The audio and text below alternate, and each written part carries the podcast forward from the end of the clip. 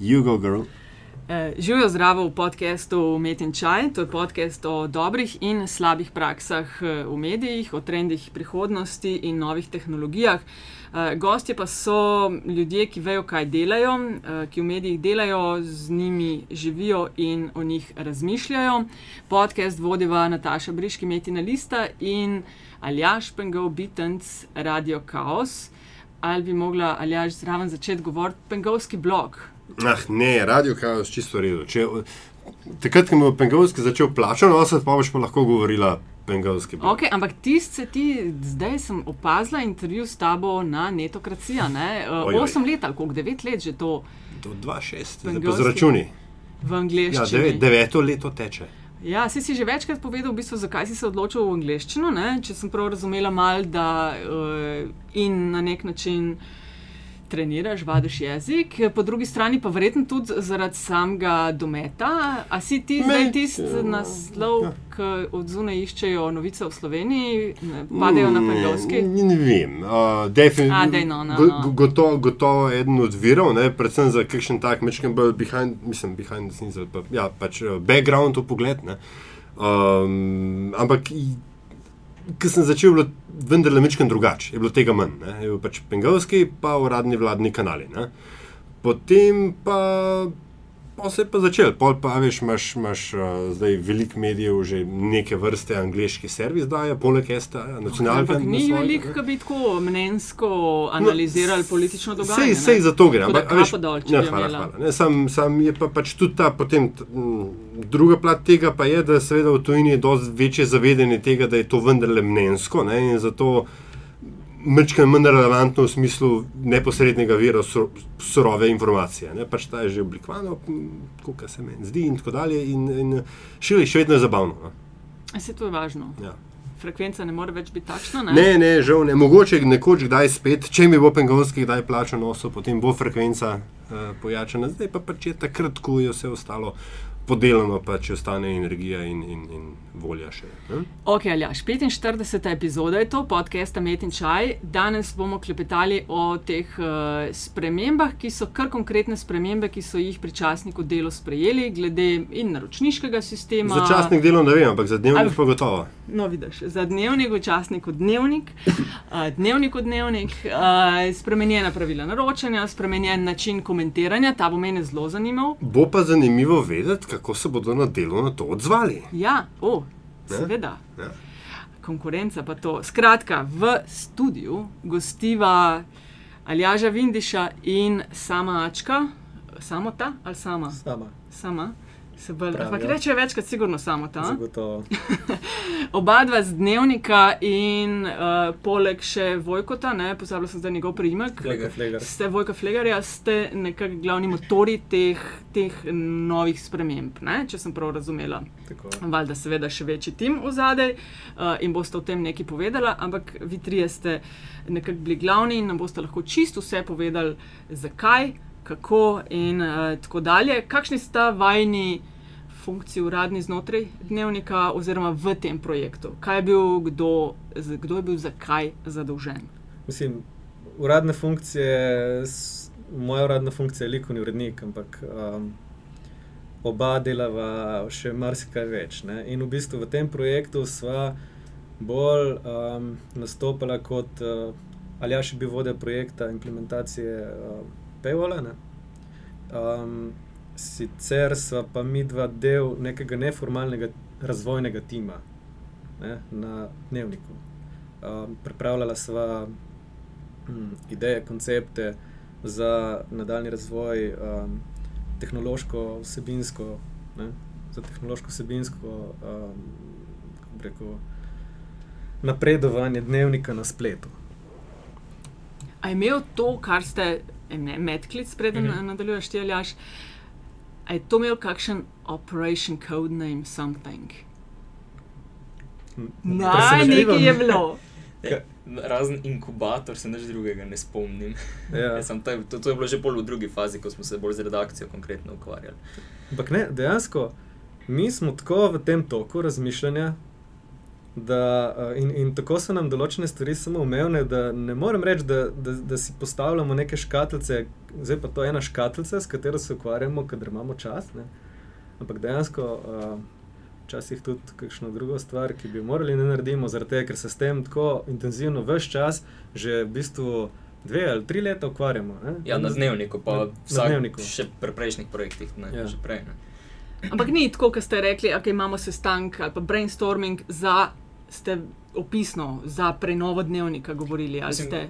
Až kaj fora tudi, da pri teh projektih, po, po, bom rekel, v narekovajih po starem pristopu, ne, ti reče, zdaj bomo mi naredili projekt in zdaj daš temu nek code name in zdaj narediš ti eno ogromno dokumentacijo in pol izbereš ekipo in pol to traja tri leta in pol vse narediš naenkrat in pol vse izdaš in je full bago in je kaos. Ne. Pač uh, samo tam smo malo oba tudi neki tehničnega ozadja zadaj in pač pristopimo že cel cel cel malo bolj iterativno k temu, malo bolj organsko. Ne. Tako da ni en glavni sestanek, pa en glavni dokument, ampak je to v bistvu tok, je proces ne? in se sproti odzivaš. Ne? In tudi iz tistega, kar je bilo prvotno mišljeno, na koncu prišlo tole, vem, kaj je, me samo del unga. Ne? Je pa po drugi strani nekaj skozi to uspel, kaj tam ni bilo prvotno sploh zamišljeno. Ampak pol ni bilo hashtaga za. Ne, ve, večina teh sestankov se zgodi tako, ne? da en stopi drugemu v pisarno ne? ali pa sosede zraven in reče, sem razmišljal. In potem se zgodi dvourni sestanek. Ne? um, čist organsko. Mislim, dejansko to nas tako zanima in tako uh, o tem beremo in razmišljamo, da ne rabimo se usest. Zdaj bomo pa razmišljali o tem. Okay. Je... Mogoče bi se sam še skočil, tudi, tudi Full Plus, uh, Suzanne Ranko, odgovorni urednici, ker ima dosta razumevanja in podpore za to, da ko mi pridemo in rečemo, ok, zdaj bi mi nekaj testirali. En primer je bil tak, kako je za to leto popolno, zdaj z stresnimi testi, ne, ko smo rekli, da imamo mi skonsolidirano zgodbo testirati, kako za to zgleda, če imaš še tu v eni zgodbi. Ne. In smo takrat dobili eno podporo in rekli, ok, ne, zato je bila ful pomembna zgodba poslovne redakcije, ne, pa nam je pač dala to zaupanje, ne, da ok, ne, ok, redakcija, pa samo da je vi zdaj z njimi to dela, čeprav lahko lah, bo problem. Uh, in je full dobro, full dobro rezultati so bili. Ne? In fajn je, ker s takšnimi eksperimenti lahko neke hipoteze probavaš razvojne ne? in pol vidiš, ok, špila ali ne špila. In če špila, dajmo naprej s tem. Okay, v no. bistvu ste dobili, peskov, ste dobili peskovnik. V bistvu smo si, smo si ga vzeli. Ja.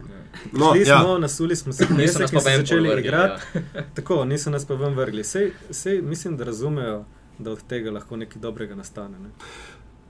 Kaj ste ali pa kaj so tok časa čakali? Kdo, zakaj? Za? Ker se tiče rekel, te celotne vsebinsko-tehnične platformne prenove, ker a, dnevnik je ne, eno oblikovno prenovo, kaj leto dni, malo več bo tega. Zdaj, zdaj že dve. Že, že dve, no, je čas te. Tako, ja. ne, skratka, jo je, jo je uh, doživel in je bila tudi zelo dobro sprejeta, ampak kar se tiče pa samega user experience, tistega, kar uporabniki dobimo, pa to je samo en del tega, kar, kar, kar, ste, se, kar ste vi izvajali, ne, um, se pa pač ni veliko spremenilo. Ne, zdaj, pod vprašanje, na katerega zelo nemarno uh, povem, ko hočem priti, ali ste imeli za to kaj več sredstev, budžeta, resursov, kot je, ne, se govori po koloarjih, uh, v, v hiši dnevnik, bilo vedno premalo temu namenjeno za ja. IT.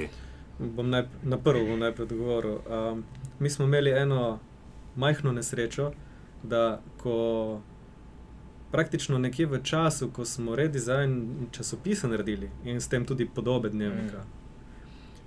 Tik predtem smo objavili stran, ki je bila v razvoju dve leti, ampak je bila v razvoju uh, v nekih uh, relativno nesrečnih okoliščinah. Ne. To je bilo in, pred nami, sem, sem to mislim, ne, za kontekst. Ne. Ja, pravzaprav, pravzaprav, Predtem smo prišli pač na dnevnik. Ko no, sem jaz prišel na dnevnik, je ta projekt bil v teku ne? in ga ni bilo več mogoče ustaviti ali korigirati. Pravzaprav jaz sem bil seznanjen s tem, eh, kako projekt izgleda, ko sem prišel. Um, oziroma, so me seznanili in potem sem rekel, da moramo malo ustaviti, da moramo malo prirediti. Ampak zgleda, da je že takrat toliko zamujal, da ni bil nihče pripravljen tega ustaviti, in potem je zamujal še dodatno leto, čeprav so nameravali to objaviti eno leto pred našim redizajnom se pravi, podobe časnika. Ne.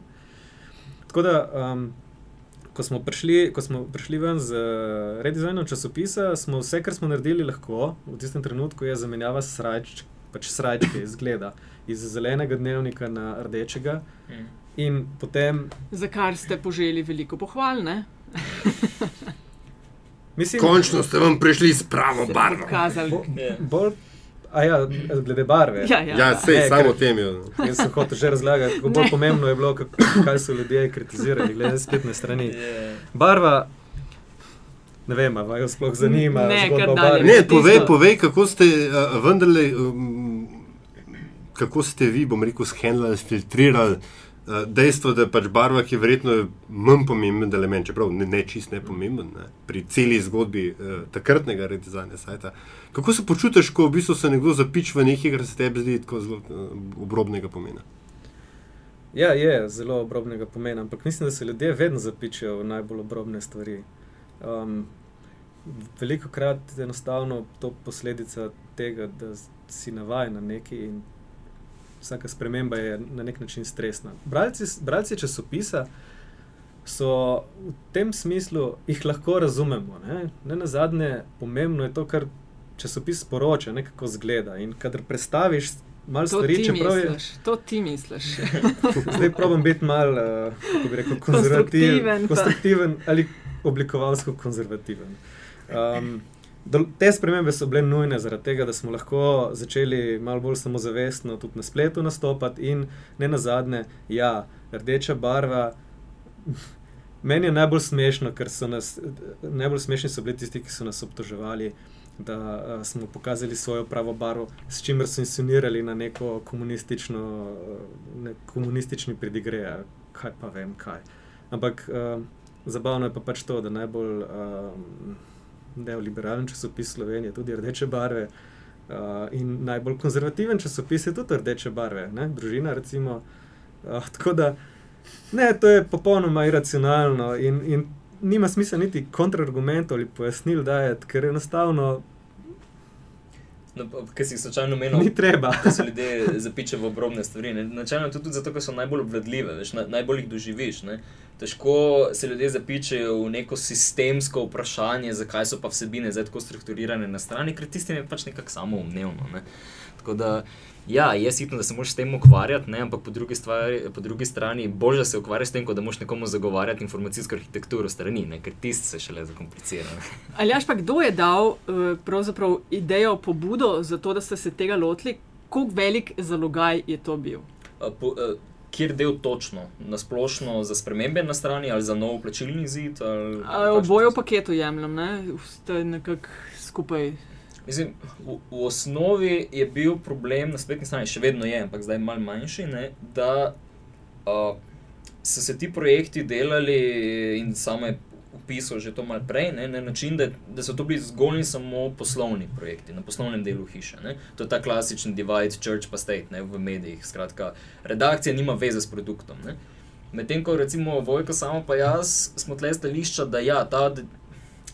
Ta vsaka razdelitev sigurno mora obstajati na higieničnem nivoju, ne, ampak moraš pa ti delati eh, interdisciplinarno, zato ker ni novinarstvo nekaj, kar daš v vitek medija, v čemer zraven lepiš oglase, ampak če ga sma, novinarstvo samo smatraš kot produkt, pa ga v njegovih sestavnih delih razumeš, kako, kako bi ga lahko prodajal, mogoče drugače kot na naročnine, ne, boš na koncu imel boljši izdelek. In to je bilo prvo izhodišče. Ne. In stran kot taka, kot je bila, kot striktno poslovni projekt, je pač omejevala naše delo. Uh, recimo rubrika Objektivno, ki je zelo znana, ne, naša ki ima daleč najboljše bralstvo, sigurno na spletu, ne, ga ne, tam ne nagovarja. Ne pazi, to je tam je ciljna publika, ki bolj zanima podatkovno novinarstvo, pa vizualno, sigurno. Ne, in ga mi da enostavno ne nagovarjamo, ker že tretje leto zdaj objavljamo to kot PDF. Recimo, Uh, iz kakršne koli že razloga, ker imaš stranski stolpec tam, pa nimaš dovolj širine, pa tehnični razlogi so zadaj, uh, ker je spet na stran, recimo, upeta v tisk, v naš uh, redakcijski sistem za tisk. Uh, tudi se kup nekih problemov. Ne? Ena izmed stvari, ki smo mi pač diagnosticirali, je bila ta, da dokler obstaja ta nacionalni sistem, ki nas je v nek princip zaklepanja vsebin zaklepal, uh, mislim, noter ujel, ne? mi ne bomo mogli iz tega ven priti. In bo pač treba tle na temeljnem nivoju nekaj spremeniti. Da bomo sploh potem imeli manevrski prostor, se pa zdaj ukvarjati z vprašanjem razporejanja vsebin, prikaza vsebin in tako naprej. Ker najprej moraš sploh odkleniti te vsebine, uh, da lahko šeraš to. Recimo, in tako dalje. Ne? In uh, po tistem, ko je delo izstopilo iz nacionalnega sistema, to je bil eden izmed povodov, seveda, ne, tudi, uh, smo se mi takrat sedli z pijanom, pa malo pregledali, kakšne so opcije, pijano je razložil, kako pač oni vidijo Call National, s tem, da smo mi še noter, pa kaj je zdaj z delom. Ne? In smo mi takrat sprejeli odločitev, da ok, dajmo nadaljevati z pijano, ampak dajmo najti rešitev, ki bo boljša za nas. Ne? In pol, pač skozi eno, ne vem, koliko je to bilo, leto dni, skozi pogovorov, smo pol identificirali, kaj nam oni lahko pomagajo. Rešitev pač je pa danes. Pravzaprav se je zanimivo je bilo, ne, da vidno.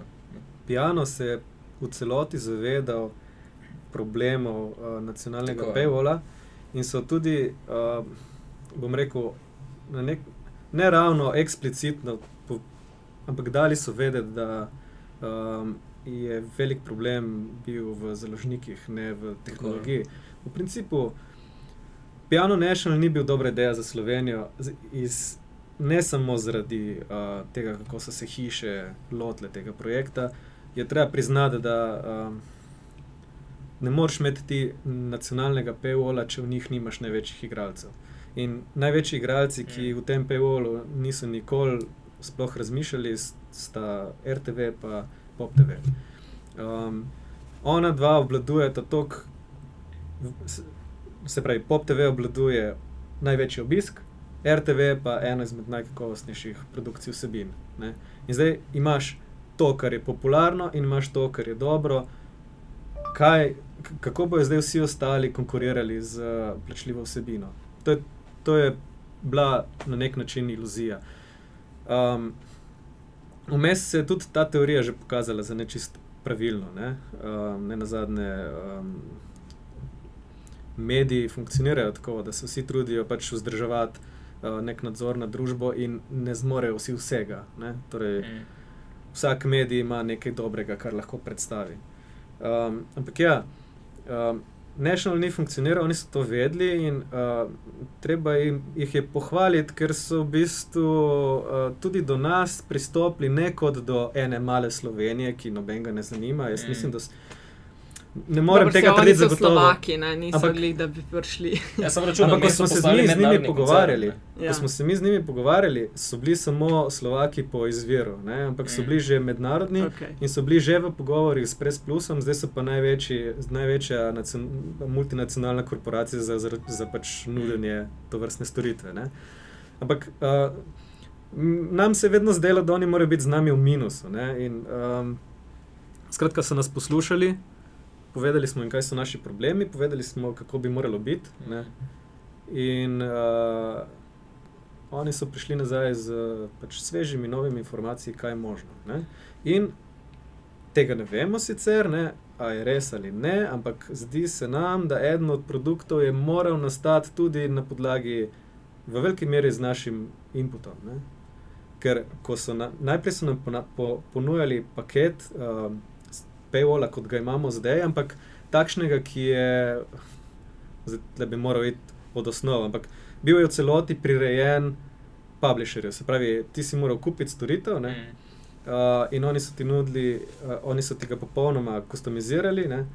in to je bilo full drago, ne? vsaj za nas. Pa mogo si se vse um, z bankami izmeniti, recimo, in tako naprej. Ne? Ja, vse, pra, praktično oni so ti dali sam izdelek uh, storitev, in ti si moral vse, za vse poskrbeti sam. Pa, pa še to ključno za bralca, ne pomeni to, da bi ti imel spet nek login, ki bi obstajal samo za dnevnik, kjer bi ti spet mogel dati posebej svoje osebne podatke, ločene geslo imeti in tako dalje, in za nikogar drugega to ne bi mogel uporabljati. Ne. Mi smo jim pa, mi smo jim pa rekli, ne, da zakaj oni ne razmislijo o nekem univerzalnem uh, uporabniškem računu, ki bi bil, s katerim bi lahko dostopal do različnih strani. Uh, se pravi, enkrat bi se logiral, pa si na različnih straneh lahko kupiš naročnino. Ne? Ampak ne, ne oziraj se na državo in tako naprej. Ne oziraj se na državo, ne oziraj se na, ne po principu nationala, ne? ampak uh, vedno si prijavljen, ali plačeš naročnino ali ne, je pa druga stvar. Ne? Zato moraš pa klikniti še en gum. In vsak pa bi šel v tem primeru svoje pogoje. Oni so zgleda o tem že malo razmišljali. Um, In, in te, ta input jim je bil verjetno dost uh, praktičen, in so čez nekaj časa nam v bistvu omenili en produkt, ki ga razvijajo, In, in zato pravim, da, da verjetno je bil naš input tudi pomemben, ker nam se je več čas delo, da ta storitev ne obstaja in jo pripravljamo. Pač, da, da so prišli enkrat k nam in so rekli, mi imamo to storitev, ne? ampak takrat še ni obstajala. In, in ni, tudi, tudi zdaj, ko smo jo implementirali, ne, je veliko feedbacka bilo potrebnega, zato da so določene stvari še poštivali. Še vse izpade. Tako kot, kot je bilo. Ne? In to je ta rešitev, ki jo imamo, s katero, če vi se registrirate na dnevnikovi strani, um, lahko greste na Newsweek in ste logirani in samo plačate naročnino. Ne rabite se še enkrat registrirati. Recimo, Ko bi publisher bo to um, implementiralo, ne vemo, ampak je lušna ideja. No. Zakaj je zdaj to bolje? Vidika, razen pač logiranje in očitno Newsweek zraven, oziroma kot opcija. Mhm. Zakaj je to bolj, bolj iz vidika uporabnika? recimo, uh, to, ta, ta točka, veš, ko se ti moš odločiti, da sem jaz nekam registriral, je eden največjih zaviralcev konverzije, ne če pravim, marketinških izrazov. Uh, ta drugi je pa seveda sklen, sklenitev naročnine. Ne? Uh, in on za sklenitvijo naročnine je že sam po sebi tako zahteven ne, za nas, da nekoga v to prepričamo, ne, sploh v pač tem stanju, v katerem so danes mediji, ne pa v tem kontekstu delujejo, da si probaš unga umakniti uh, sebi in, in, in bralcu. Uh, po drugi strani je pa naše stališče tle tako. Pač z razlogom imaš uh, trafike določene firme, ki so enake vse posod in veš, da tam dobiš te pa te medije in zdaj si v Škofej Loki, v Mariboru, Ljubljani ali pa v Piranu, veš, da pa to pač to tam imajo. Uh, Uh, ali pa pač, ko greš vem, na, na javno pravo, nimaš za, vsak, za vsako ministrstvo ali pa za vsako izpostavo javne prave različne osebne izkaznice, imaš eno. Ne? To je ta logika, ki je nas pač vodila. Pač ti si bralec, imaš svoj račun in publisherji morajo imeti pa možnost, da v bistvu se te naslavljajo z svojim brandom, pod svojimi pogoji, pri ceni, ki je njim prava. Ne? Ker če ti daš neko ceno, tako kot je bila v National je v primeru, da se nekdo na manjši medij prijavi za ti znar in izračuna, ki tam obstajajo, dobi določen delež od tega, je to njemu wow, denarja. Ne? Pri delu ali pa dnevniku, ki sta pa velika publisher, je pa to prenisk. Uh, in tle v bistvu v tem novem sistemu vsi pridobijo. Ne? Bralec pridobi na način, da ima enoten račun, ki lahko domače tuje medije pač uh, si prek njega naroča in tudi pomeni, da dobi enostavno en račun na koncu in mu pove, ok, ti imaš ta mesec to vse naročen, to te stane, ajde plačano. Uh, za publisherje pa pomeni, da lahko boljše, uh, boljše nagovarjajo bralca z vidika, kako mu odmerjajo vsebine. Za ene je boljš merjen zid, to, kar imamo mi, za ene je boljš poln zaklep. Recimo finance, pa njih je čisto logičen poln zaklep, ker so pač specializirani mediji. Uh, Eh, in za kakšno ceno. In, in tudi potem vsak posebej različne akcije ponuja, ne? ki so spet njemu specifične. In to je spet dobro za publisherja in za naročnika. Mi smo šli še v bistvu korak naprej ne? in smo pijano delili um, ideje. Ne? Zdaj, ne vem, ali bodo to implementirali ali ne, ampak ta skupni uporabniški račun se nam je zdel tako dober, da smo jim enostavno. Uh, Da, da smo jim dejansko predlagali, naj iz, naredijo produkt, kjer je dovolj, da ti, da, se pravi, da nek, nekdo, ki ima blog ali pa nek spletni medij, uh, da mu omogočijo ne zahtevno implementacijo. Recimo, mi smo, šli, jo, mi smo šli skozi dva meseca implementacije. Ne? Ampak ne smo jim rekli, da je vi naredili sistem tako, da um, nekdo, ki objavlja vse, svoje osebine, ne, ki ima svoj blog, ustavi noter eno vrstico. V svojo spletno na stran, WordPressu, na WordPressu, in ima vaš Piano Light Paywall. Tako ste si dobili na preprost način ogromno nekih, um, um, se pravi, partnerjev. partnerjev ja. ne, in posledično oni itak pobirajo nek delež od, od prodane, se pravi, ja, procentov za me. Um, in, in to bi bilo res. To bi bil res zanimiv produkt. Ne. Predstavljate si, kaj je največji problem uh, malih, novo nastajajočih medijev. Oni si ne morejo prvoščiti uh, nobenega sistema za zračunavanje. Recimo, pod črto, zdaj, ko zbirajo denar, oni zbirajo donacije. In, in to je del njihovega um, poslovnega modela. Ne, nisem hotel reči poslovnega modela, ampak mhm. načel, ne, da mora biti zadeva odprta in če se. če ti je v redu, plačaš. Ampak kaj pa, če bi oni hoteli pobirati, pobirati recimo naročnino? Ne? ne bi mogli, ker ni storitve, ki bi jim to omogočila na preprost način. Um, zaradi tega, ker tehnologija v zadju, sploh ta um, tehnologija, ki jo mi uporabljamo, je tehnologija propustnega paywalla. Propustni paywall pomeni, da najprej ti damo možnost, najprej damo bralcu možnost, da vidi nekaj naših prispevkov vsak mesec. Ne? Kaj še kar škrti ste, veš, pet. Eh, pet je. Smo informirani, škrti, to je vse, kar smo informirani, škrti. Ja. No, ampak uh, sistem je, po, se pravi, koliko je gor ali dol, ne številka, sistem je fair. Najprej ti da nekaj za pogled, potem pa reče, ok, zdaj si pa prebral par brezplačnih prispevkov, če so ti v redu, se naroči. Ne? In ta sistem je trenutno najbolj zanimiv. Je bil zanimiv za veliko, tudi malih. Um, Kaj je bilo v zadnji, recimo, da ste rekli, pet bomo dali, zakaj ne šest, deset, osem.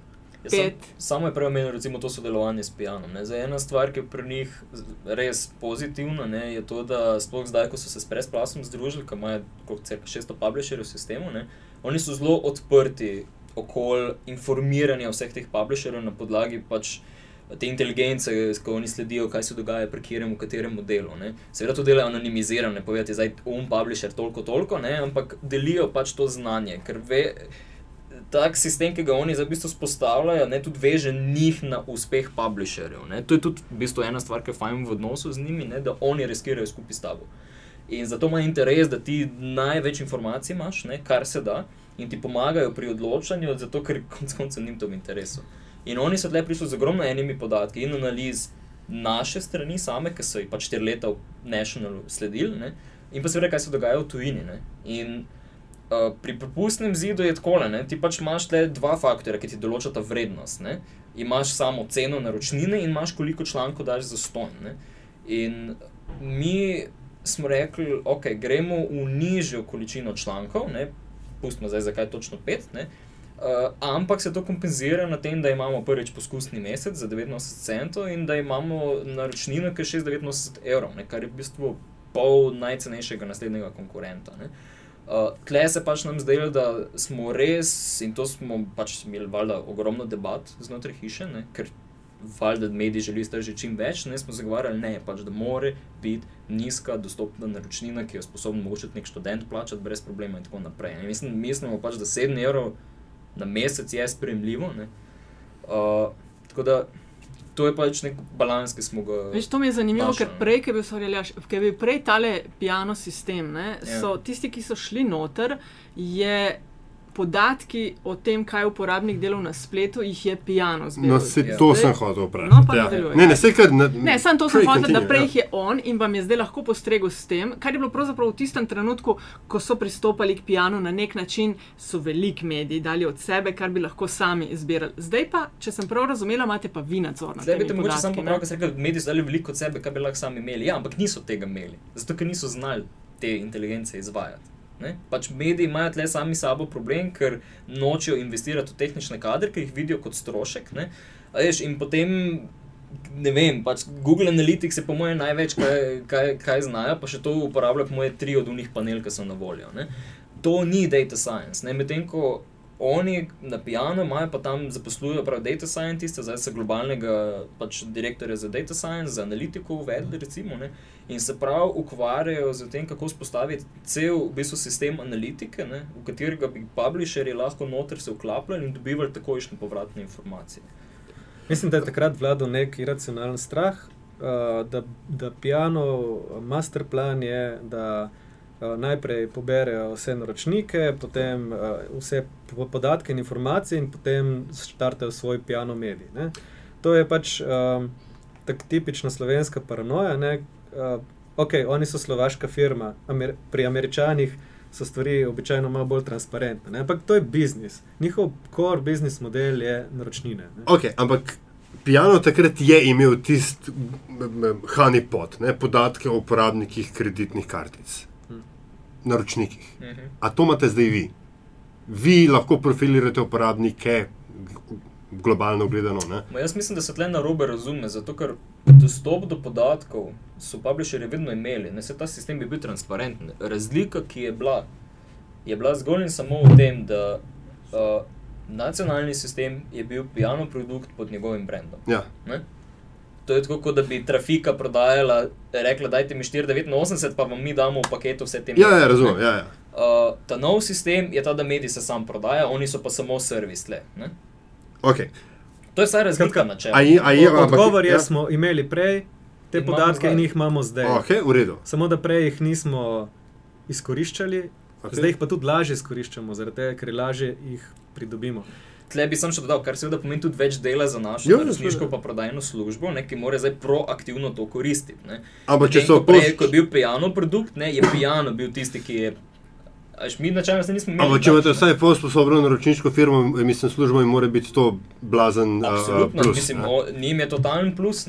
Še oni, ko so videli, kako ima zdaj možnost to upravljati in kako lahko zdaj z naročniki se pogovarjajo, njim je to full plus. In drugo, um, če sem te prej prav razumel, ali ste bili v nacionalnem piano rešitvi, ste bili vi velik player ne? in so v bistvu so imeli manjši playeri več od, mislim, boljši izkoristek od, od, od, od vključitve. Nacionalni sistem je imel izjemno zakompliciran sistem ja. deljenja ja, podatkov.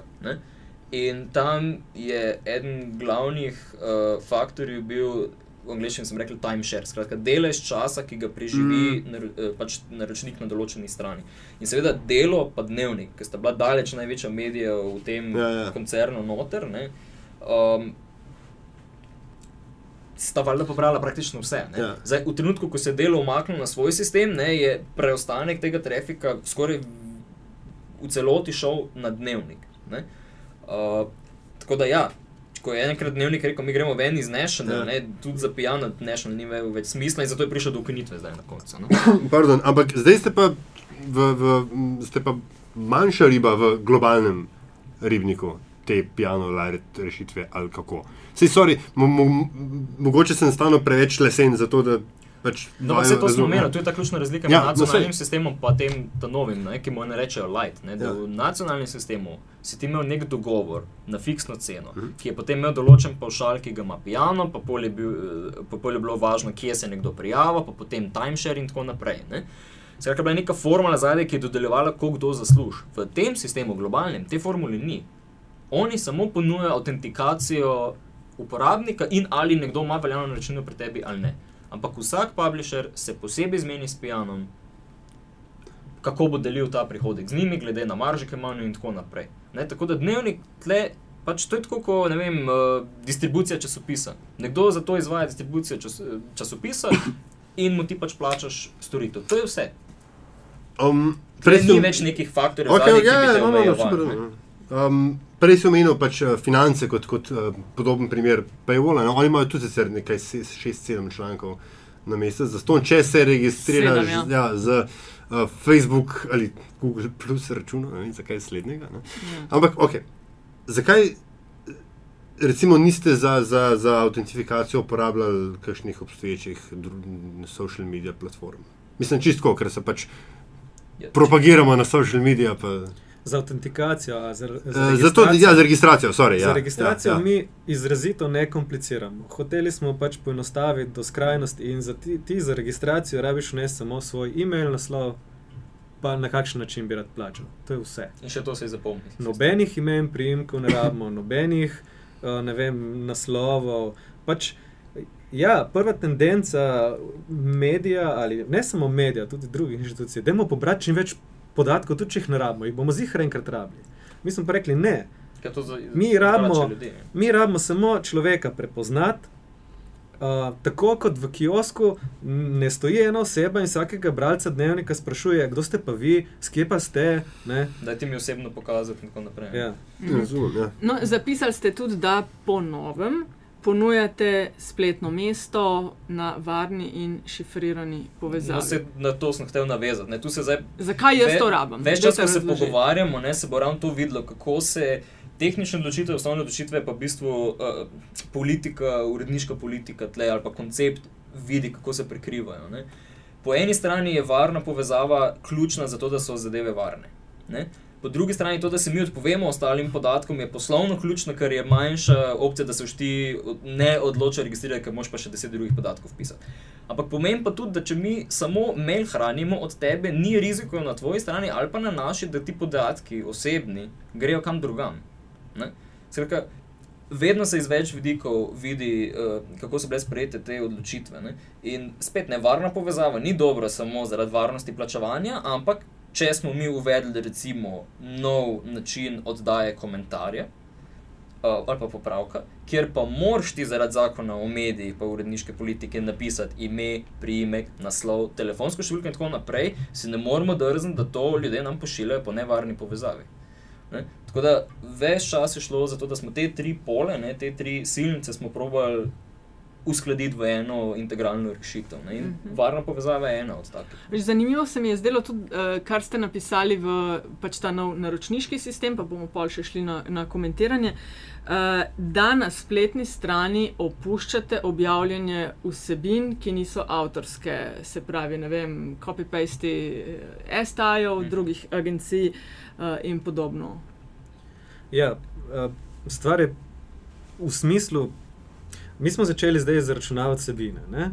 In to, zakaj smo začeli izračunavati vsebine, je popolnoma preprost odgovor. Ne? Ker medij, ki je.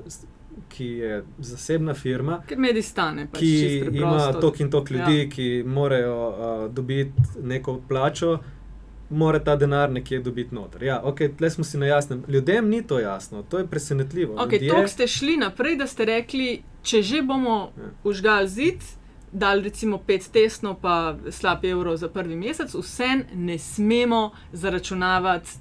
Teh copy-paste iz STA in podobni, ampak lahko samo za zid postavimo tisto, kar naši novinari naredijo, kar se nam zdi, da je drugače kot v drugih medijih, kar nas ločuje in zaradi česar bi bili ljudje, recimo, pripravljeni plačati. Ja, mi, razumemo, mi razumemo, da imamo pet šans, da človeka Tako, v vsakem me, pravi, mesecu prepričamo v to, da kupi naročnino. In če temu človeku čez dan ponudimo pet STA-jev, STA ki jih najde tudi na uh, 24 ur, na Sjolu in na RTV-ju, ja. zakaj za Boga bi nam plačal naročnino? Zato smo rekli, da bomo to pač umaknili, ker ni nič nenavadnega, da splošni mediji ne pokrivajo vsega. Ne? To je pomembno razumeti. Uredniška politika pomeni, da se uredništvo odloči, kaj je dovolj pomembno, da se, ob, da se van uh, usmeri omejene resurse in potem objavi. Um, nekdo, nekomu je pomembnejša letalska nesreča, nekomu je pomembnejši uh, uh, družinski zakon, ne? enim je pomembno vse pokrijejo, vse pa nečesa drugega ne pokrijejo. Ne? Tukaj noter tiči tudi ta uh, pluralnost medijev, ki naj bi obstajala. Ne? Tako nekako poskušamo spremeniti mentaliteto, da ker smo dnevnik, splošno informativni medij, da moramo pokriti popolnoma vse, kar se zgodi. To je enostavno nerealno in nemogoče. Noben medij ne pokrije vsega. In zato smo mejo, kaj pokrijemo, uh, pomaknili čisto malo bolj proti uredniški. Uh, proti, proti uredniškim odločitvam, ki so že lastna časopisu. Uh, in objavljamo na spletu zgodbe, za katere je uredništvo presodilo, da so pomembne. Um, vse ostalo pa, pa vabimo pač bralce tudi, da pogledajo, kje druge. Se niti ne rabimo vabiti, ni ga bralca na spletu, ki bere samo en medij. Vsi, browser, mislim, vsi pregledujemo različne strani uh, in te STA-ji se nam več čas podvajajo. Konc koncev podvajajo. Podvaja, mislim, če mi objavimo STA novico, pa delo objavimo. Hoče se reči, da je faktor premehen. Ja, ja, ja, ja ok.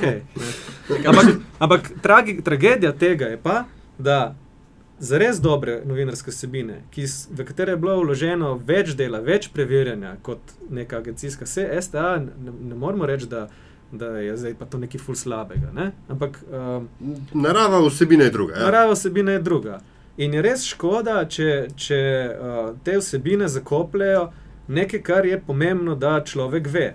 In dnevnik pač misli, da so te vsebine, ki jih producira, pomembne, seveda se zato jih producira, zato jih pripravlja.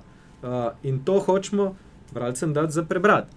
Če bralci potem presodijo, da to pa ni pomembno. No in kaj presojajo bralci zdaj za enkrat? To je zdaj, koliko en mesec uh, ste v tem novem, uh, ali so bralci pozdravili, ali ste ali je dva tedna. Dobro, dva tedna. Še bo treba malo počakati. Še niti tri tedne ni, zato je težko karkoli presoditi. Tudi uh, trenutno zbiramo.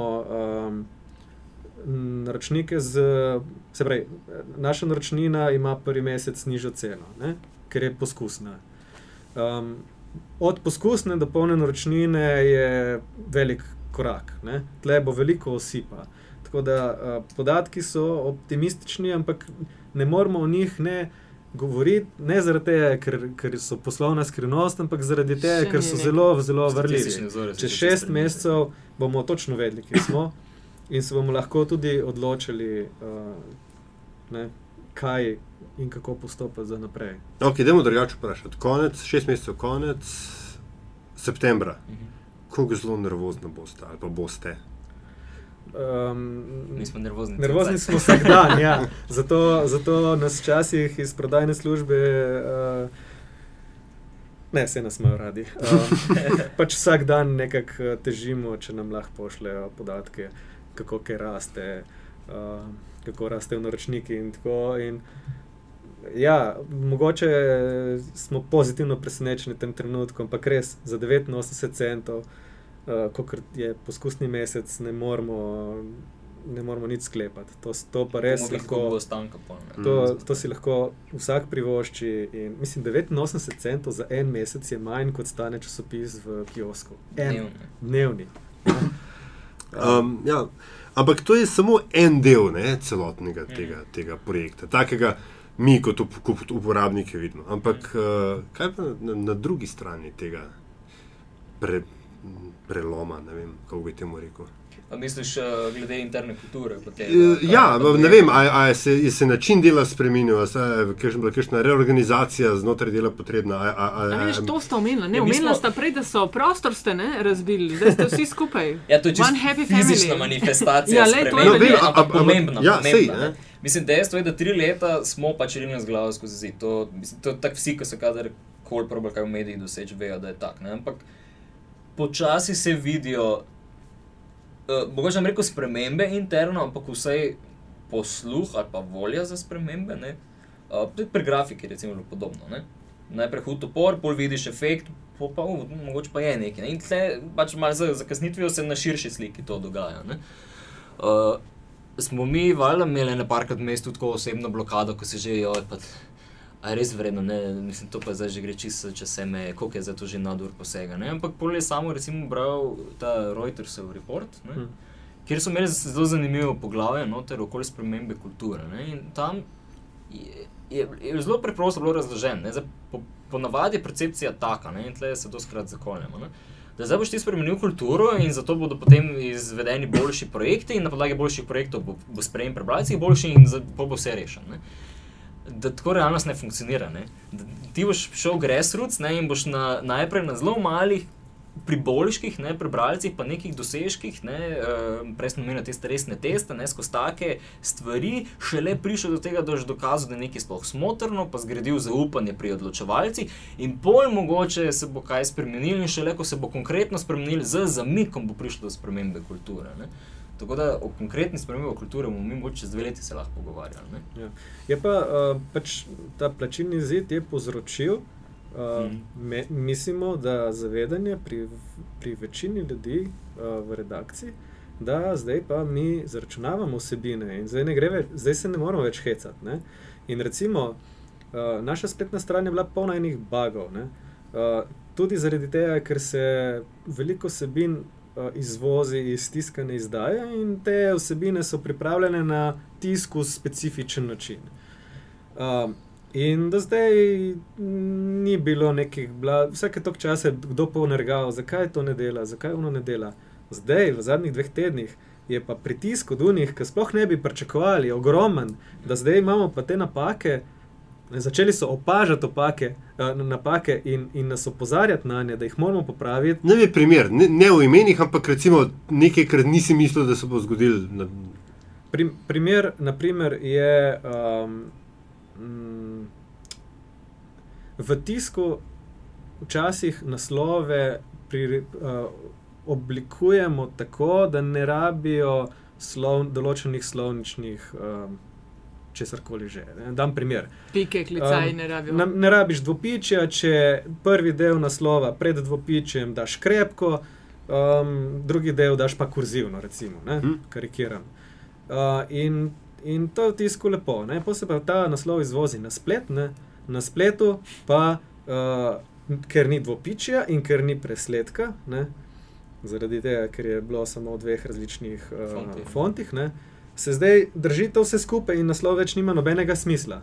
Prej je trajalo še pa še, da je kdo to opazil. Zdaj, zdaj gledajo in, in opozarjajo, in uh, posledica tega je že, ne, da v bistvu, uh, smo začeli m, tudi tehnično pripravljati teren, da lahko um, da vsak prispevek pripravimo za tisk in za splet.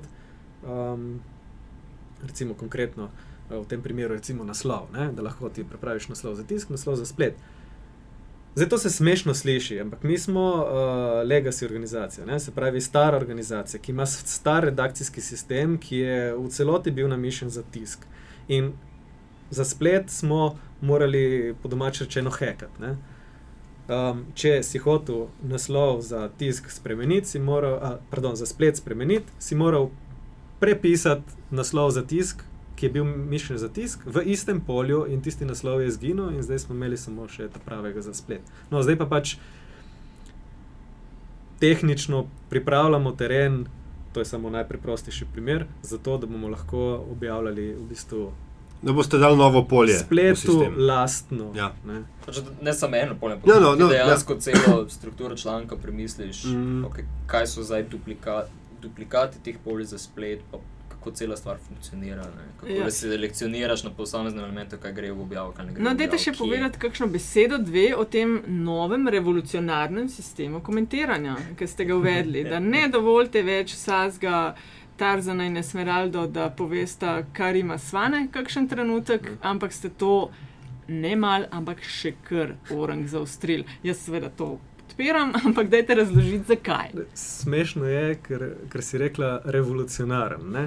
Ker, ker, ker je v bistvu, uh, kako bi rekel, to je devolucija. Ne, kar smo naredili. Novo, ne, rekli, ampak temelji pa na eni zelo, uh, mislim, da zelo, zelo utemeljenem premisleku. Skratka, Včasih je bilo tako v časopisu, ne, da če si hotel komunicirati z javnostjo, si poslal pismo na časopis in časopis je skladno s svojo uredniško politiko presodil, ali bo to pismo objavljeno ali ne. Ta uredniška politika je bila včasih uh, pristranska, včasih je, pa, uh, včasih je bil pa edini kriterij, da pismo zadostuje nekim standardom. In te standardi so celoti zginili na spletu. Um, in tudi ti, ki zagovarjajo, da smo naredili, mislim, da, da ne živimo v današnjem času, ker ja, uh, komentarji so pač stvar tehnologije spleta in da to je danes uh, realnost, pozabljajo, da v zgodnjih dneh interneta je, je bilo možno ja komentirati na forumih, ampak forumi so bili moderirani. In, in ta debata na forumih ni bila nikoli tako čustvena, kot je uh, zdaj na spletnih straneh medijev. Skratka, ta, ljudje so pazili, kaj pišejo. In ko imaš takšno situacijo, ko imaš takšno skupnost, je možno imeti komentarje, zakaj pa ne. Ampak uh, popolnoma napačna pa je predstava, da ker internet to omogoča, to tudi moraš imeti. Ker uh, ta logika je zelo podobna. Uh, tej logiki, ki se pri nas zgražamo in smejemo, ne, kjer v Ameriki, uh, če imaš puško, lahko z njo streljaš. Ne? Mislim, uh, ljudje mislijo, da ker imajo puško, lahko zdaj ustrelijo človeka, če prestopa na njihov prak. Ne, ne ni res. Ok, imej puško, ne, če ti je že tako všeč, ampak imejo, če, če boš uh, z njo pazljivo ravnal. Isto je s komentarji. Kdor hoče, naj ima komentarje. Ne? če presodi, da uporabniki pazljivo z njimi ravnajo, ali po drugi strani, če ima možnost to moderirati. Um, mi, po drugi strani, mislimo, da. Kako se je zmanjšalo število komentarjev, oziroma teh pisem, bralcev, popravkov ali karkoli drugega? Dramatično. dramatično. pozor. Razlika je med komentarji, pismi, bralci, pa med popravki. Okay. Odziv Folka, kar koli pošljejo. Prej so. Čaj, čaj, čaj, to, to je, to je važno. Ko, komentar, ali pa dajmo iti od, od popravkov, pa pisem bralcev, pa do komentarjev. Popra, kaj je popravek? Popravek je nekaj, kar ti zakon, se pravi, uh, zakon ti zagotavlja, da če se ti zdi, da je medij objavil uh, napačno informacijo, da lahko na to javnost opozoriš ne da gre skozi si, uredniško sito. Ne? Skratka, ko zahtevaš popravek in je utemeljen, mora biti objavljen. Um, to je absolutno pravilno, da je tako, zaradi tega, ker tudi novinari so zmotljivi in se včasih zmotijo, včasih zamešajo eno izjavo, pripišajo nekomu drugemu. Javnost mora imeti možnost, da se odzove. Oziroma, pravzaprav prizadeti, ne javnost, prizadeti, mm. to je zelo pomembno. Pisma bralcev so vedno bila način, kako javnost predstavi drugačno mnenje, ki je argumentirano in temeljeno. In to nam najbolj očitajo tisti, ki nam očitajo v kinitu komentarjev. Se smo reči, da, da velika večina odzivov je pozitivnih. Ne? Ampak eni pa pravijo, da ja, zdaj, pa se, zdaj pa ni več. Ukinjate svobodo govora. Na svobodo ja. govora, dajmo se vrniti na svobodo govora.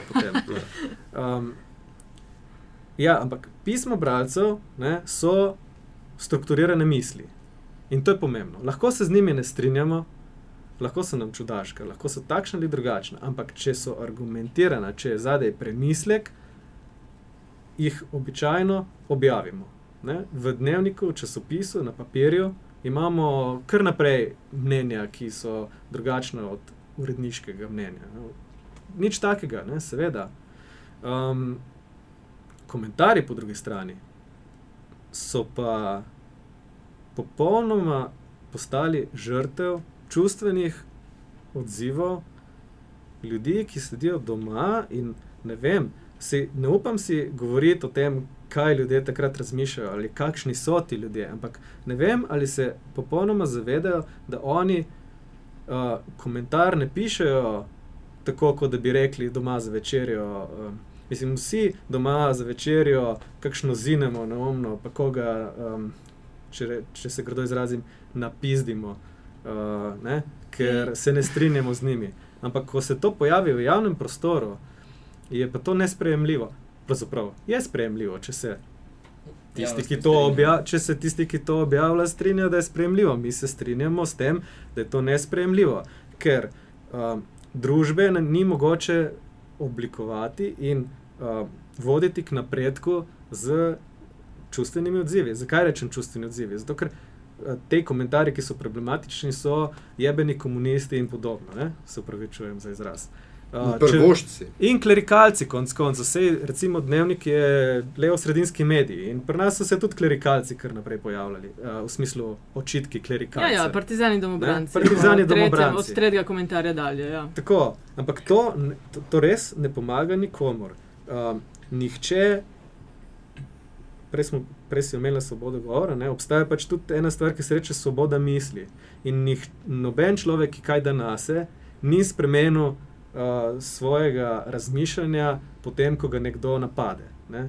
Um, vedno spremeniš razmišljanje, ko ti nekdo argumentira stvari, ne pa če te žali, če te ponižuje uh, in če govori, da si slab. Pod, ne? Če se milo izrazi. Zakaj imamo občutek, da ste, da ste imeli s tem delom, s komentarji, njihovo prioritvijo, da ste upravili že samo to. Če potem, ker ste rekli, da, da ste imeli s tem največ težav, to naj, najtežji, da ste ta del najtežji prodali. Ne, to je, ne, po, to je bil najlažji. Mislim, da, Ampak, čak, prodal komu, kolegom ja, v, v, v, v, v firmi. Ja. Ja, jaz bi mogoče povedal, zakaj ne. Veš, ker, tukaj, Kar se meni, ne svoboda govora. Ne, tako, pa, je samo rekel, ta feedback, red, zelo redek, negativni feedback je bil, ne, ja, zdaj pa tega ne dovoljujete več in tako naprej. Ne, obratno.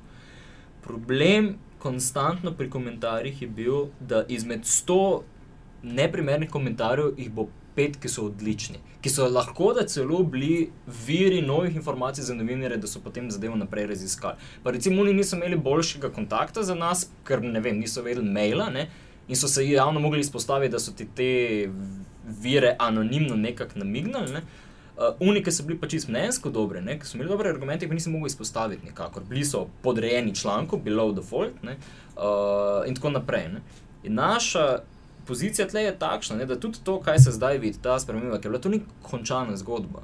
Ne. Mi imamo interes, da, da če, članek, če skratka, prispevek bralca res dober, si zasluži, da je objavljen kot članek, skratka, v formi enakovredni novinarskemu delu. Ne? Govorimo o prezentaciji. Ne? Članek Above the Fall z svojim naslovom, ki ga lahko vidiš, uh, v sistemu najdeš, ga srčaš in tako dalje. Ne? Kasneje, če bodo vsebine bolj strukturirane, pomeni, da če lahko ti in članek novinarja in pismo bralca, recimo na isto temo, stegiral na ta način, da jo kažeš skupaj, ne? pomeni, da zdaj ni samo pismo bralca nekaj, kar je objavljeno tam v eni sekciji, ampak je dejansko del vsebine, ne? Veš, v, v celotni zgodbi in tako naprej. Po drugi strani imaš pa socialno mrežo kjer smo pa tudi povečali svojo aktivnost. Tako da z našega vidika tle ni bilo dejansko, nismo imeli nobenega minusa, mm. nobenega, kvečemo same plus in zato je verjetno tudi šlo tako lahko skozi. Ampak, ja. če, če še lahko to dodam, ker si že vprašal, ne, kako je bilo prodati to idejo. Ne. Ne? Uh, to, to se je pokazalo v trenutku, ko smo to naredili, da obstaja tako širok in, in močen konsens, ja. da so komentarji nekaj slabega. Da smo in od javnosti dobili neverjeten odziv, in tudi znotraj hiše ni noben imel kakšnih večjih pomislekov. In, Kaj ste tako dolgo čakali? Pa v javnosti bi jaz mogoče še razdelil in strokovne mhm. javnosti, uh -huh. in v narekovajih lajične javnosti. Ne? Se to je heca, veš, ker se je skozi, ko sem govoril o, o kulturi, oziroma ne kulturi komentiranja, ne, se je nekaj tak. Um, pravilo prsta, rule of thumb, ne, eh, se, se naredi. In tako v Sloveniji je 50 do 100 ljudi, ki to delajo tako rekoč profesionalno pod 17 tisoč nickname. Zdaj, mal, mal, mal, mal, Marko Plahut je na nek način to tudi dokazal prek svojega projekta, uh, ja. vaši in vaši. Točno, virostatik, ja. ja. ja. In, in, in uh, tako da mi je res v bistvu ja, sam pač aplaudiram, ne, ker je po eni strani se zdi res grozno, umijemo svobodo govora, pa pa ugotoviš, da pač si umijel samo količino trolanja. Se ključna stvar je tle, ne, to sem jaz več čas pre, pred izidom podaril v hiši. Ne. Mi nismo ukinili kakšnih koli odzivov, mi smo spremenili sistem, ja, ja. ja. ki mislimo, Točno da je to. boljši. Uh -huh. Strinja, veš, kaj, veš, kaj je argument? Ker govoriti, ker ukinili so komentarje, ni Točno prav, to. Ker veš kaj, veš, kaj je pa argument, ki ti ga v tem primeru ponudijo. Češ, da če ima človek možnost anonimno komentirati, si upa več povedati. Zaradi, to je, kar delajo. Ja, ja, ja. To, mislim, to, je, to je seveda res, da si upa več povedati. Vprašanje je, kakšna je kvaliteta ta, tega. Ta debata poveda. je dolgo že traja in je kompleksna, ker so situacije, ko anonimnost je potrebna pri občutljivih uh, posameznikih, uh, situacijah z manjšinami in podobno, whistleblowerih in podobno. Ampak to je treba na posameznem primeru obravnavati. Ne? Uh, stvar, ki se pa mislim, da Vojko samo in jaz strinjamo že od vsega začetka zvezi s komentarji, je pa uh, ta, ne, in to je Adriana Huffington že, uh, koliko je zdaj, ne dve ali tri leta, odkar so oni Real Name Policy uvedli, uh, ki je ona rekla, ne, sicer se nanaša pač na ameriško ustavo, ampak je rekla, ja, ti imaš po ameriški ustavi možnost svobode govora, ampak svoboda govora je vezana na identiteto posameznika in s tem pride odgovornost ti imaš možnost reči karkoli, ampak zato tudi odgovarjaš. Seveda, in tvoja pri, svoboda je anonimnost a priori temu ne služi. Ampak svoboda govora, ne že smo rekli, samo da je mu vrn. To je ful zanimiva stvar. Ne? Ker mislim, da, da se danes v relativno tehno, tehnicirani družbi, ne vem kako bi temu rekel, malo narobe razume svobodo govora. Ne? Svoboda govora ni to, da ti lahko govoriš, kar hočeš. Svoboda govora je, da lahko izraziš svoje razmišljanje javno in zato ne boš sankcioniran. To je svoboda govora. In mi s tem, ko kinemo komentarje pod članki, nobenem, na noben način mm. ne preprečujemo ljudem, da bi izrazili svoje stališče, svoje mnenje in razmišljanja. Mi to si želimo, ampak zahtevamo pa neke minimalne standarde. Ta standard je, da pojasniš uh, kontekst svojega razmišljanja, da pojasniš svoje razmišljanje in da predstaviš nek svoj zaključek. Zdaj, če hočeš ti to, da mi to objavimo anonimno, um, to ni tako neverjetno. Sicer ne vem, kakšna je naša uredniška politika um, trenutno, ampak tehnično tega sistem ne onemogoča, ker mi sicer zbiramo informacije o tem, kdo nam je poslal, ampak to se zbiramo na varen način. Uh, uredništvo je prav, da je znana identiteta, tako kot je prav, da je uredništvo znana identiteta vsakega vira. Ja, tudi, če ne navajaš. Ne? Ker drugače smo si lahko zmislili. Kaj pa, če smo si mi zmislili anonimen komentar? Ne. ne. Vsak, vsakdo, ki poda svoje razmišljanje, mora zaupati v to, da živimo v družbi, kjer svoboda govora je vrednota. To pomeni, da če se iz takšnega ali drugačnega razloga boji javno svojo identiteto izkazati, nam še vedno jo lahko zaupa in pojasni, zakaj ne želi, da ta identiteta javno predstavljena. Plosk, plosk. Ko smo že pri user-generated content ne, ne, in, in eh, social media in tako dalje, ad spremljamo. Ja, Go. to. Go. To je... to je samo to otrok, tako se malo šali reče. Spremljamo, priporočamo. To je, um, kako bi rekel, sliši se bolj zanimivo kot, kot uh, oziroma uh, učinek je bolj zanimiv, kot je uh, razlog, zakaj je to, do tega prišlo. Um, definitivno povod za to je bil Paywall. Ne? Skratka, ko smo šli na Paywall, smo rekli, zdaj bomo pa predstavili samo še naše avtorske vsebine. Vendar, ljudje imajo dve motivacije, oziroma več motivacij.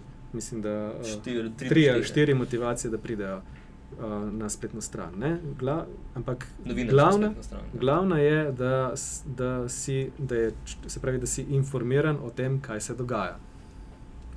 In zdaj, ker smo pač legacy organizacija, ne? Uh, časopis nikoli ni bil popolnoma aktualen. Aktualen je bil samo takrat, ko ni obstajal radio, ni obstajala televizija in je pač bil po, po, naravi, te, po naravi medija prva stvar, ki so ljudje dobili. Ampak ta primat je izgubil že p, sto let ali koliko nazaj. Um, in, in najbolj absurdna stvar, ki jo časopisi počnejo, je, da so žužni, ker niso aktualni. Mislim, ker niso ne aktualni, ker niso uh, ažurni. Evo, ažurni je bolj pravi. Ja, to, to smo močno postavili to distinkcijo po novem, kaj je aktualnost, pa kaj je ažurnost. In naše novinarstvo je močno tam, kjer analizira, kaj se je zgodilo, pogleda, uh, ne, kaj to pomeni, in vse skupaj predstavi kot analizo, kot, uh, kot bolj uh, popolno informacijo, ne, komentar, se nima veze. Pač, to je žanrska stvar. Um, Ampak mi to objavljamo, se pravi, na koncu dneva. Mi, mi to imamo na koncu dneva, ne takrat, ko se je zgodilo. Takrat, ko se je zgodilo, lahko samo poveš, kaj se je zgodilo. Ne kaj to pomeni, ne kakšen je kontekst, nič od tega. Ne? In čas, v časopisu, na papirju se to pojavi potem naslednji dan, na spletu pa večinoma tudi. Ne zaradi tega, ker. Uh, ker se izvaža tiskovno vsebino, ampak zaradi tega, ker novinar mora stvari premisliti, mora poklicati par ljudi za mnenje. Obstaja nek zamik. Ta vsebina je tista, za katero menimo, da je kvalitetna, da ljudem lahko pomaga razumeti uh, naše okolje. Ampak še vedno ljudje, ljudi zanima, kaj se dogaja. Kaj se dogaja, je pa veliko krat možnost strniti v zelo kratke vestičke. Ne? Recimo, um, jaz se spomnim teh STA-jih novic, ne? glavna stvar, ki si jo zvedel, je, da ne vem. Zelo povodnik in si v bistvu vse vedel, kaj se je zgodilo. Ja, v povzetku je bilo vse jasno, potem so bile pa še neki odzivi, pa, pač nekaj, kar je dalo članku, kako bi rekel, volumen, mm. koli, količino znakov. Ampak bistvena stvar uh, je bila v začetku. In, in, in, in to smo mi zdaj zreducirali. Povemo, kaj se je zgodilo. In če menimo, da ta stvar je vredna nadaljne obdelave, bo po premisleku objavljen, uh, objavljena tudi kot članek, ne, malo kasneje ali naslednji dan. Zdaj, kaj je bila ideja? Ideja je bila pač imeti nek modul, bo, v katerem bomo vestičke objavljali. Um, lahko bi ga dali sprogramirati, ne? Lahko pa uporabiš nekaj, kar že obstaja in ki je dobro, in ki, ki, ki večina, mislim, ki veliko ljudi to uporablja. Uh, in smo to malo priredili. In smo v bistvu najprej smo razmišljali, da bi svoj dnevnik feed dali ne? tja, kjer je zdaj tale pravkar in priporočamo in opozorila. Ne? Ampak pol bi, pa, pa smo gotovili, da to zgleda, kot Twitter, to, to nekateri ljudje um, ne marajo, čudno zgleda. Imeli bomo, ja. imeli bomo um, napovedi člankov, zraven pa naslovnico, kjer se isti članek pojavi, to ne funkcionira. Um, kako lahko še Twitter uporabimo? Ne? In smo gotovili, da dejansko uh, lahko Twitter uh, račune priredimo tako, da na spletni strani zgolj minimalno opozarjajo nas, kot da so Twitter ne, in da delujejo kot integralni del spletne strani. Ampak najboljša stvar pri tem je pa ta, ne, da ko, ko so tako generično zastavljeni, delujejo kot javni servis. In to smo si vedno želeli. Jaz in Aljaš sem vedno imela željo, kako narediti uh, storitve, ki so javni servis, uh, in ki, uh, s katerim v bistvu ti omogočaš širši javnosti, da se informira, ne da bi bilo to brendirano ali kakorkoli že. Sej, uh, v zadju, seveda, je neka logika tudi uh, promocije lastnih vsebin. Ne? Ko mi v pravkar objavimo neko vestičko, da je ne vem, odstopil ta in ta minister, zraven damo. Uh, vem, intervju s tem ministrom, ki se je zgodil pred uh, enim letom, recimo, yeah. Ja. neko arhivsko sebino. Mm mi v bistvu uporabljamo to kot sredstvo za, za um, pospeševanje, ali kako bi rekel, branosti, bra, branosti prodaje ja. prostora, ampak, kar je povsem ležit. Ja, ampak dobili smo v bistvu uh, modul, ki, ki ima tekoče novice. In ki hkrati živi svoje življenje na Twitterju, čisto ločen, čisto ločen oziroma čisto Twitterju, lastno, uh, in tako pokrivamo v bistvu dva kanala. Pri tem smo pa še razmišljali korak naprej, ne? kako ne ponujati samo tekoče informacije, um, ali lahko končno že ne razmišljamo več v kontekstih konkurence, ampak v kontekstih, kako javnost čim bolj informirati. In dnevnik, recimo, je, ni, ni največji časopis v Sloveniji, mi imamo omejene možnosti, kaj lahko delamo in kaj ne. Ampak več čas pa beremo neke prispevke, ki so pomembni za razumevanje uh, dogajanja doma in po svetu, in ki jih pač mi ne bi mogli pokriti. Zato, zakaj ne bi bralcem povedali, nam se zdi to dobro, mi tega nismo pokrili, to je nekdo drug, ampak to se nam zdi dobro, pejte prebrati.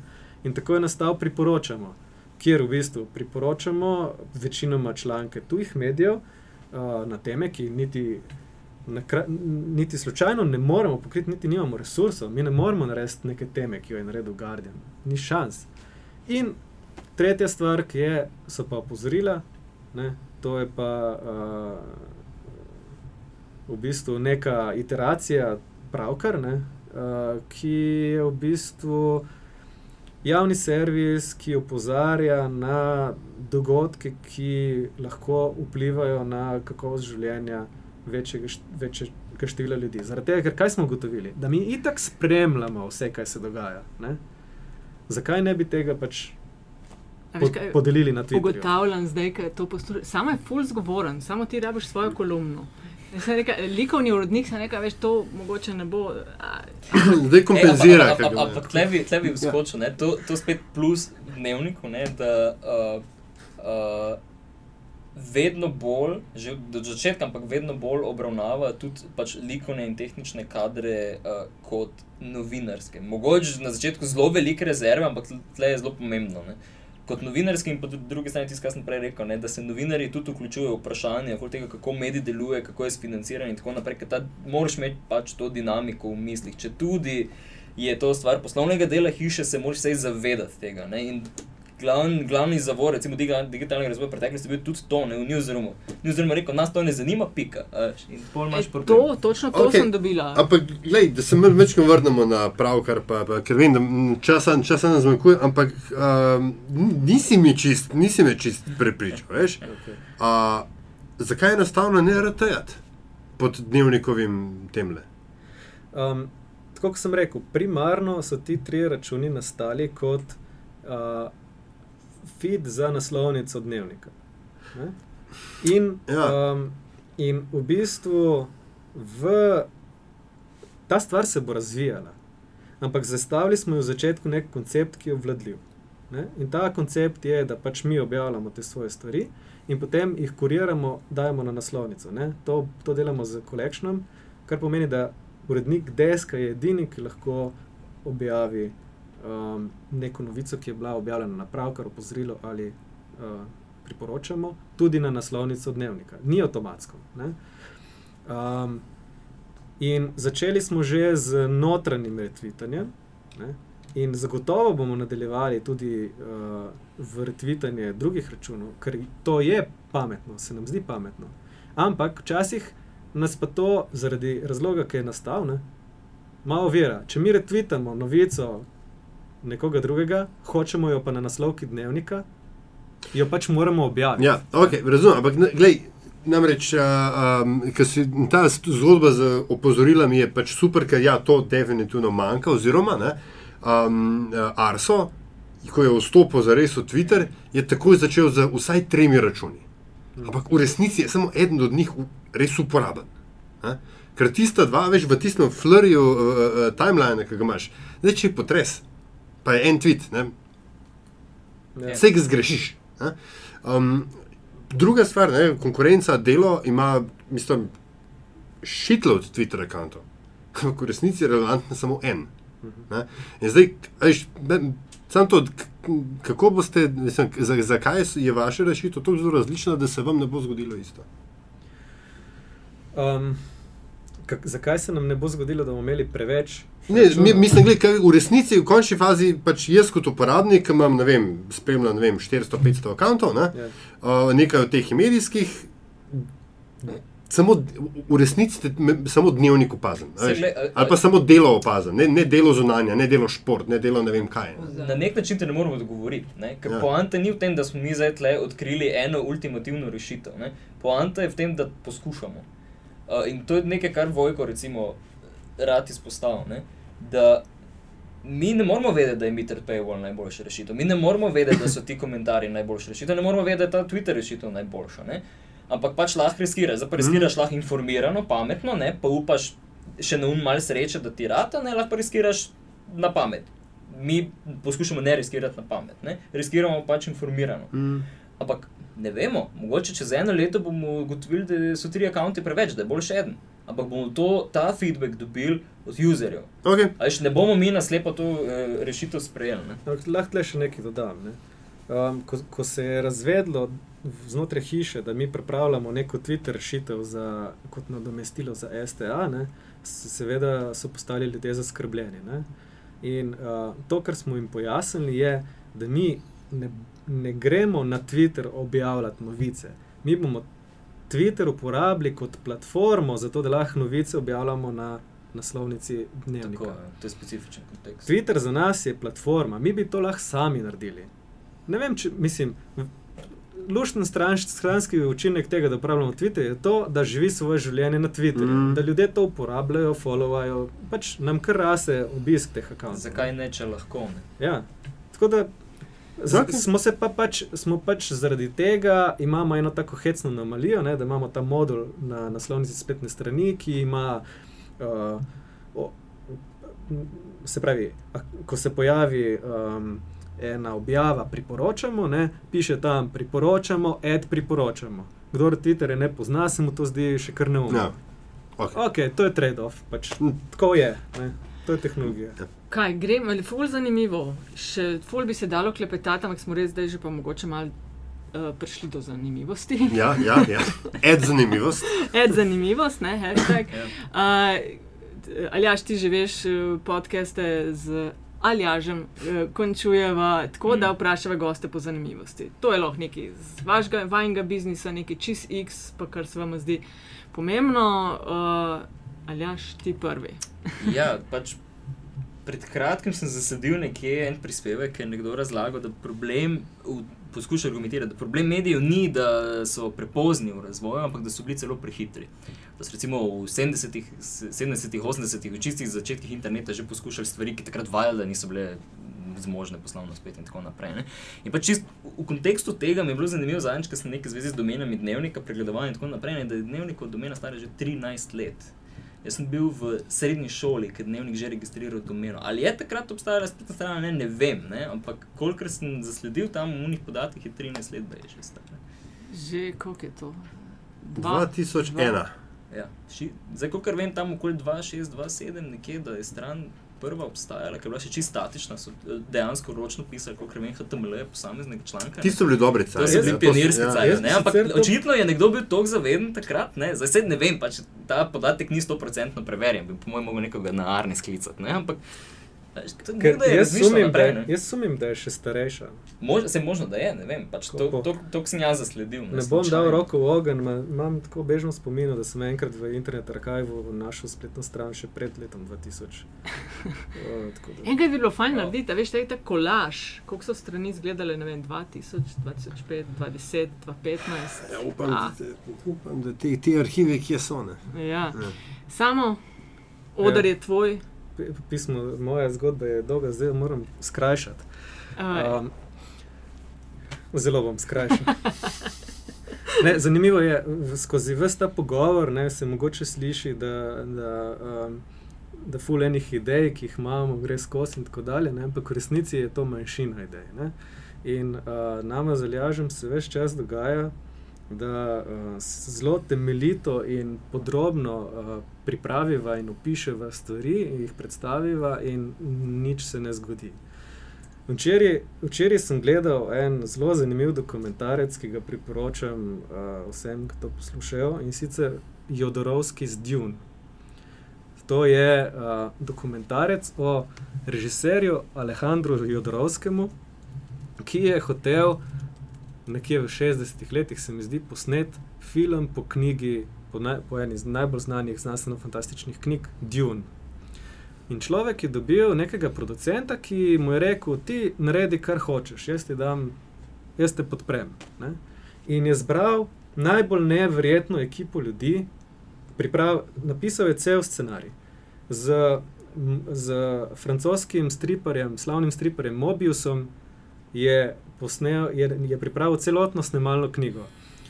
Uh, zvohal in uporabil je uh, Geigerja, ilustratorja, ga prepričal, da sodeluje.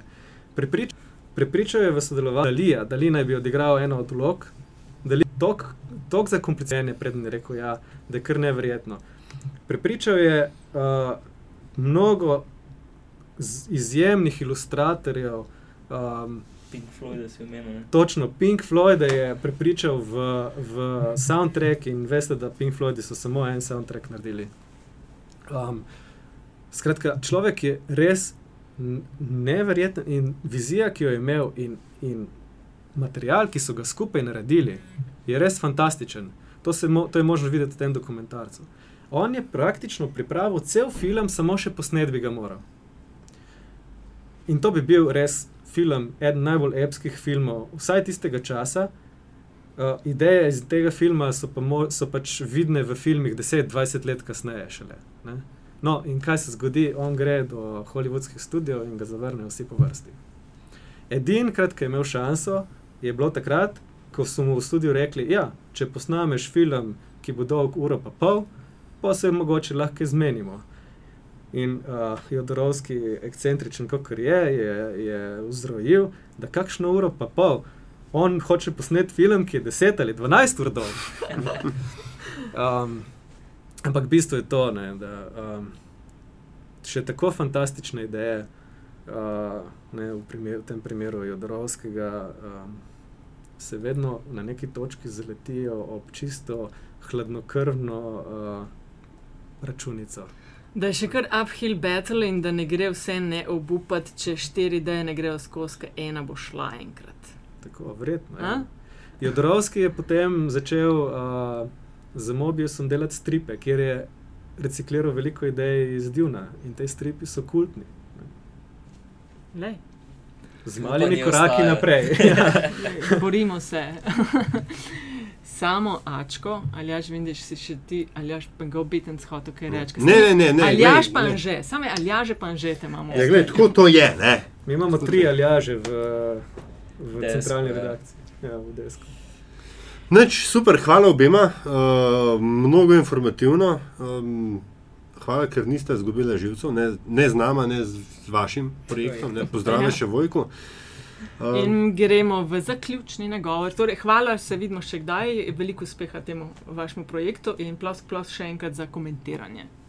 Uh, spoštovani in spoštovane, če vam je bil pogovor všeč, uh, ste morali biti kaj novega izvedeli o poslušanju podcasta Met in Čaj. Hvala za podporo, uh, komentarji in predlogi, kako bi bili lahko še boljši. Uh, dobrodošli tudi na infoafnametina.com, če želite ustvarjanje podcasta in uh, vsebin na metini listi finančno podpreti, pa uh, je povezava priložena na spletni strani. In hvala vsem tistim, ki ste že in tistim, ki še boste. Hvala. Čau.